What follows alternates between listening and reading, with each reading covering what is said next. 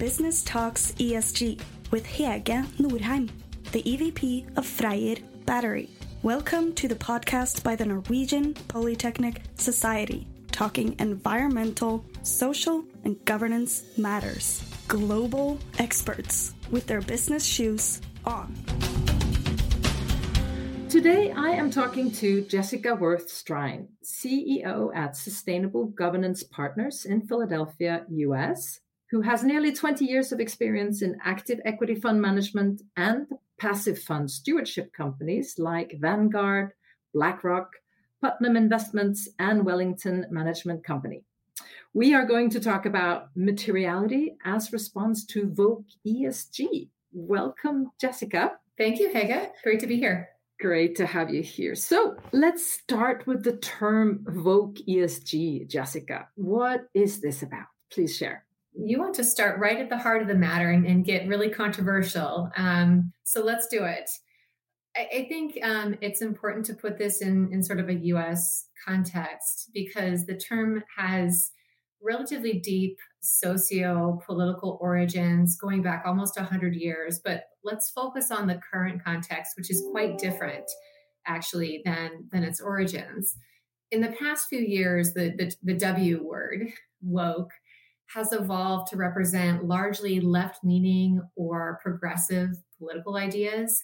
Um, topics like social justice, gender equality, racial equity, efforts to combat climate change.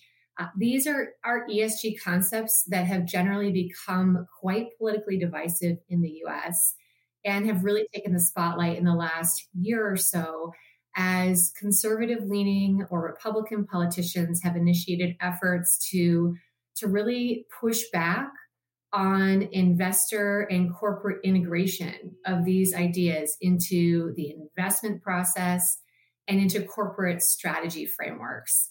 As examples of this, uh, fairly recently, we've seen Republican state treasurers and attorneys general from places like Texas and Florida in the US uh, and several other states have been working on effectively blacklisting or banning business with large US banks that have incorporated climate risk and other social issues into their investment decisions they have alleged basically that certain investors like BlackRock are quote unquote boycotting US energy companies uh, by, by focusing on climate change and climate risk in their investment process. Uh, and they've worked on legislation to, to stop or ban business with by their states with these quote unquote boycotters.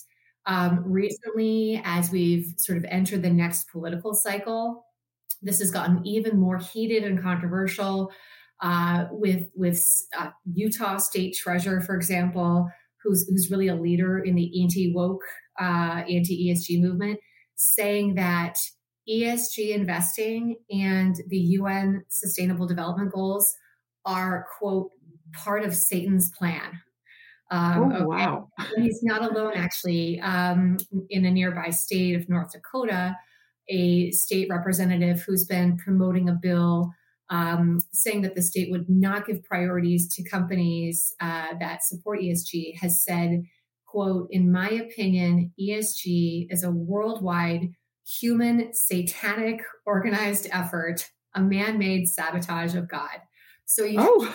have it in the country where the separation of church and state is supposed to really be gospel, no pun intended you have mm. the co-opting of this investment and corporate I- idea uh, to, to, really be one of an anti-religious, um, anti-progress, whatever type of, of movement.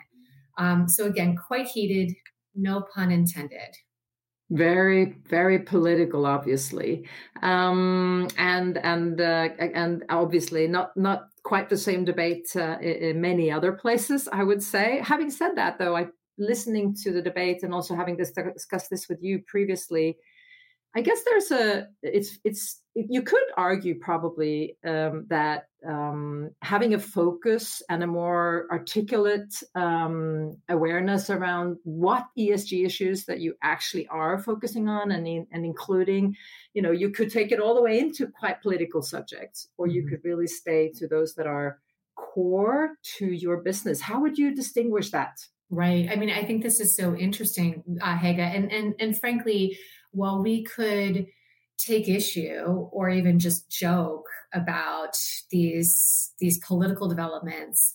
I think we could also focus on on one of the more positive outcomes in that it has really ushered in a much more um, i guess concrete focus on what's in and what's out right? And, and i think we'll talk about materiality but this really gets in that direction where it's clarifying for investors and for companies that esg is not about virtue signaling or about altruism. It's about sustainable business, right? It's mm-hmm. about responsible investing versus irresponsible investing, sustainable business versus unsustainable business. And, and what does mm-hmm. that really mean? Well, it really starts with isolating what's material or what's in, you know, the the ESG framework and, and what's not. Um, so I'd be happy to pivot to that topic if you'd like, but we could we could go down the political rabbit hole as long as you want.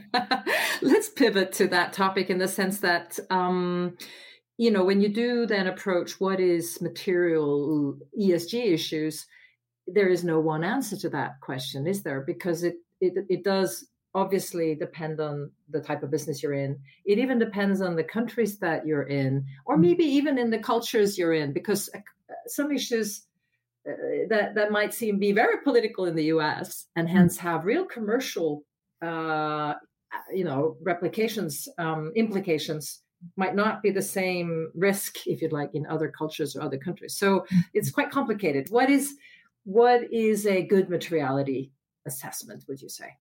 Great question, and and I think you and I both could probably spend several hours really drilling into what constitutes a great materiality assessment, but you know, mm. I'll try to be brief. Uh, obviously, it starts with mapping all of the issues that could be on the list and isolating what really is on the list of material issues. And, and the way that we generally go about that is, is first we start with the, the laundry list. What are all the SASB materiality map issues? What are all of the issues that come up with supplier uh, supply chain partner surveys or customer uh, surveys? What are the issues that come up in employee engagement surveys employee interviews? Really getting all of that on the page so to speak.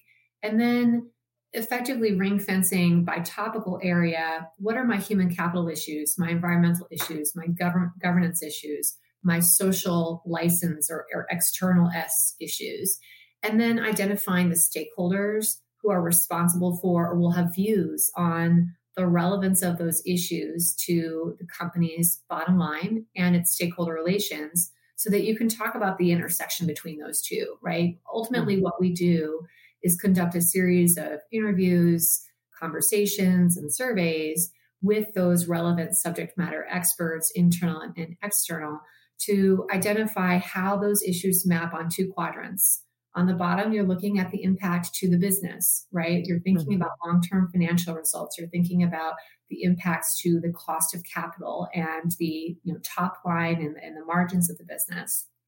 And on the left hand, you're thinking about impacts to stakeholders, your customers, your communities, your employees, your regulators, your supply chain partners, so on and so forth. And then you're looking at you know what actually lands in the upper right hand quadrant of that matrix. And and you're having conversations about how those issues map high versus low and what the priorities for the business should be. And you're thinking okay the, the, the upper right hand quadrant those are very clearly squarely material issues that we need to be talking about as a, a part of our esg and corporate strategy. Lower right hand and, and, upper left hand those are issues that we need to be continuing to monitor right? Mm. and we need to talk about certain issues that may be very, very high for stakeholder, but low for the business, is that a reputational issue, right? Mm-hmm. An hmm. example of that might be a very GHG light company that operates on the west coast of the US and has a very um, young uh, employee base that's focused on climate change, but has almost no carbon footprint, right? Mm. Well, that's an issue that would map in the upper left hand quadrant very high for the employee stakeholder, perhaps also for customers and other stakeholders, but really not moving the needle in terms of carbon tax or other, you know, negative externalities. Well, what do you do about that? if it's important to your employees and you're going to lose talent, it is a it is actually a financial issue. It needs to be moved over, right? It's just mm. not a measurable carbon tax P&L issue, but it's employee recruitment, retention, it's customer brand equity, right? And, and so you're having that second stage conversation in the, in the mapping process of what might actually need to move uh, quadrant to quadrant. And then you're isolating the pillars of your strategy, right? You're saying, okay, we have this cluster of issues that are environmental in nature or social in nature, external, internal, governance in nature. How do we actually incorporate them into our long term business strategy in, in terms of the, the pillars of our ESG strategy? And, and what targets do we set? Right. So, how do we work on the, the policies, the internal controls, and the targets related yeah. to issues?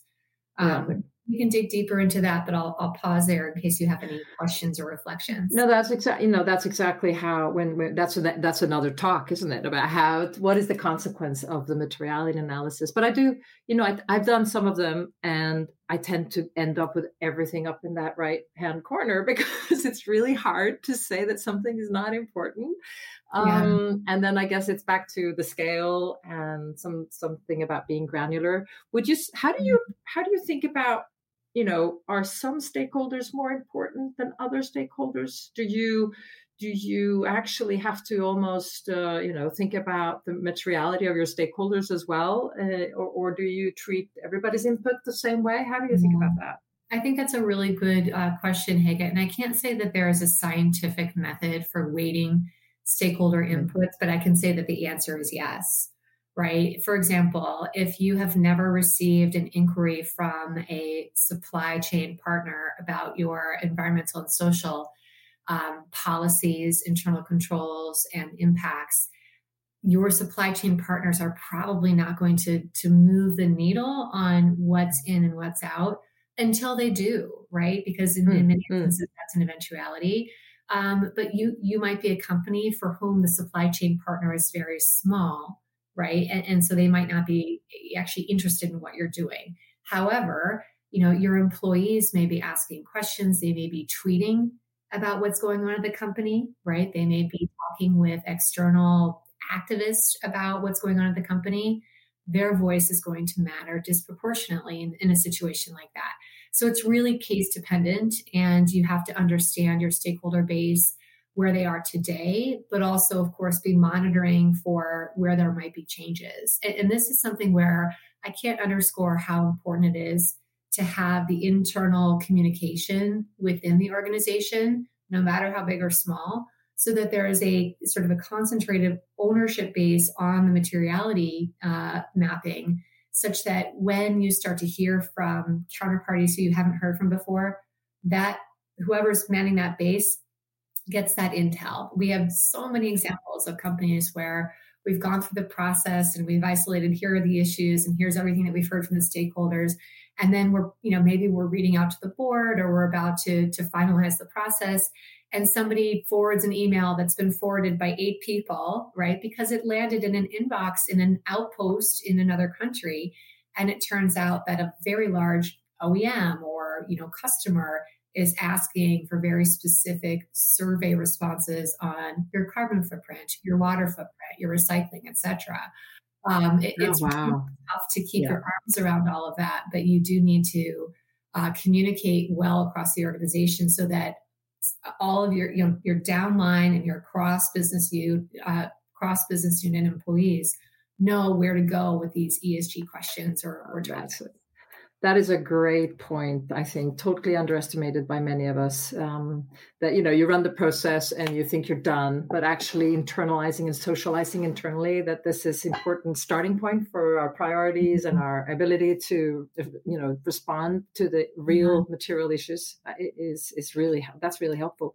But also, and then I see that this is as we started out talking about you know being able to articulate externally to investors but even to you know as as we've discussed the eu is now putting in place requirements that you report as a company into the eu your materiality analysis as part of your annual reporting so there, this is becoming a tool to to to the communication externally as to why you're doing what you're doing and not doing other things Mm-hmm. Uh, is that is that how you see this is going to evolve in the U.S. as well? To sort of engage in this conversation around whether it's material risks on your financials or whether it's woke political activity. So, since this is audio, I'll share with the listeners that I've got a very significant smirk on my face when you talk about trends in the EU and the potential that they might actually translate to the US.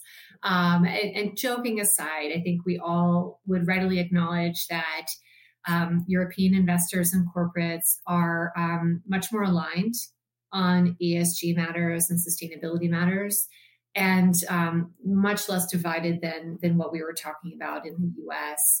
Um, and and so I guess the short answer is no. At the moment, I don't see. Uh, the US investor base and, and, corporate base really moving in the direction where there is standardized, required disclosure of materiality analyses. However, I think we all know that the US is moving forward, you know, at a different pace, but in the same direction, um, adopting many of the same practices. Um, but, but largely really by um, advocacy from investors and not necessarily regulation uh, from the SEC. Now, we will see uh, some incremental progress from the SEC in terms of required climate related disclosure, which is expected to be finalized and then litigated um, fairly soon. And then we will see some proposed human capital disclosure um, from the SEC in the coming months, um, which will then be finalized probably without as much controversy as, as, as climate. Um, but, but I think the more important thing to be looking at here is not necessarily what is regulated, but what is expected right? Um, you know, one thing that's different about the US is the institutional investor base is fairly concentrated, right? You have um, large passive investors and very large active long onlys who constitute a significant portion of most public company shareholding base, right? BlackRock, Vanguard, and State Street are 20 to 25% of most publicly listed uh, companies in the US of, of their investor base and um, and then large, you know, one trillion plus asset managers are, are significant shareholders as well. Most of these investors are very long term in nature, and as such, most of them are are considering relevant or material ESG risks in their investment process. And so they're setting expectations, right? They're communicating with companies. They are saying, we would like to see SASB aligned or, or ISSB aligned now um, disclosures. We'd like to see TCFD uh, framework based disclosures. We expect to understand how you're tackling the material issues. They would, I wouldn't say that they're setting standards or clear expectations for what is presented on materiality, but they're asking, what are the material issues? We're looking to you, public company, to tell us what's material. And then how is your board overseeing those issues? What policies do you have? What targets? Etc. around those issues. So it's a little bit more organic, I guess, than it is yeah. you know less top down, more bottom up. Regulatory, exactly. And so is it fair to say, Jessica, on, on an end note, that you expect that we will still see a focus on ESG from investors and from society, uh, and, and, that there's commercial value in working on those issues also in the US going forward. Yes, I think you know it's funny. We started out by talking about all this this this explosive backlash. And it's just one of those many things that you see in the market where the noise is significant and it's it's it's amazing how much you know back and forth how much debate this topic has created but when you really peel back the covers how much actual change has resulted you know in many of the state level incidents that i mentioned the actual legislation that's been proposed has not been has not been passed by the majority of the broader lawmaking base in that state. In instances like BlackRock, where we saw this this idea that they were going to be fired by all these large um, customers, well, it turns out their inflows last year were 100 times their outflows in, in this in amidst all of this this backlash. Um, so, so while it, there's a lot of noise on the front lines, what we see behind the curtain is just much more nuanced conversations about ESG. And that's really very healthy. So I'm pretty positive. I, I don't like the noise. The headlines are are just too controversial for something that should be irrefutable. But I think that we'll move beyond this, um, dispense with the politics, and, and this will become more business as usual than it ever was before. That is great to hear, um, Jessica. Thank you so much for spending some time with us um, talking about this important issues. This is Hege Norheim, who has just spoken to Jessica Verth-Strine, CEO at Sustainable Governance Partners in Philadelphia, USA. Have a continuous great day, all of you out there listening to us. Thank you for listening to Business Talks ESG from the Norwegian Polytechnic Society. Business talks, and so do your actions. Make sure to subscribe to the podcast and follow us at Polyteknisk on all our platforms.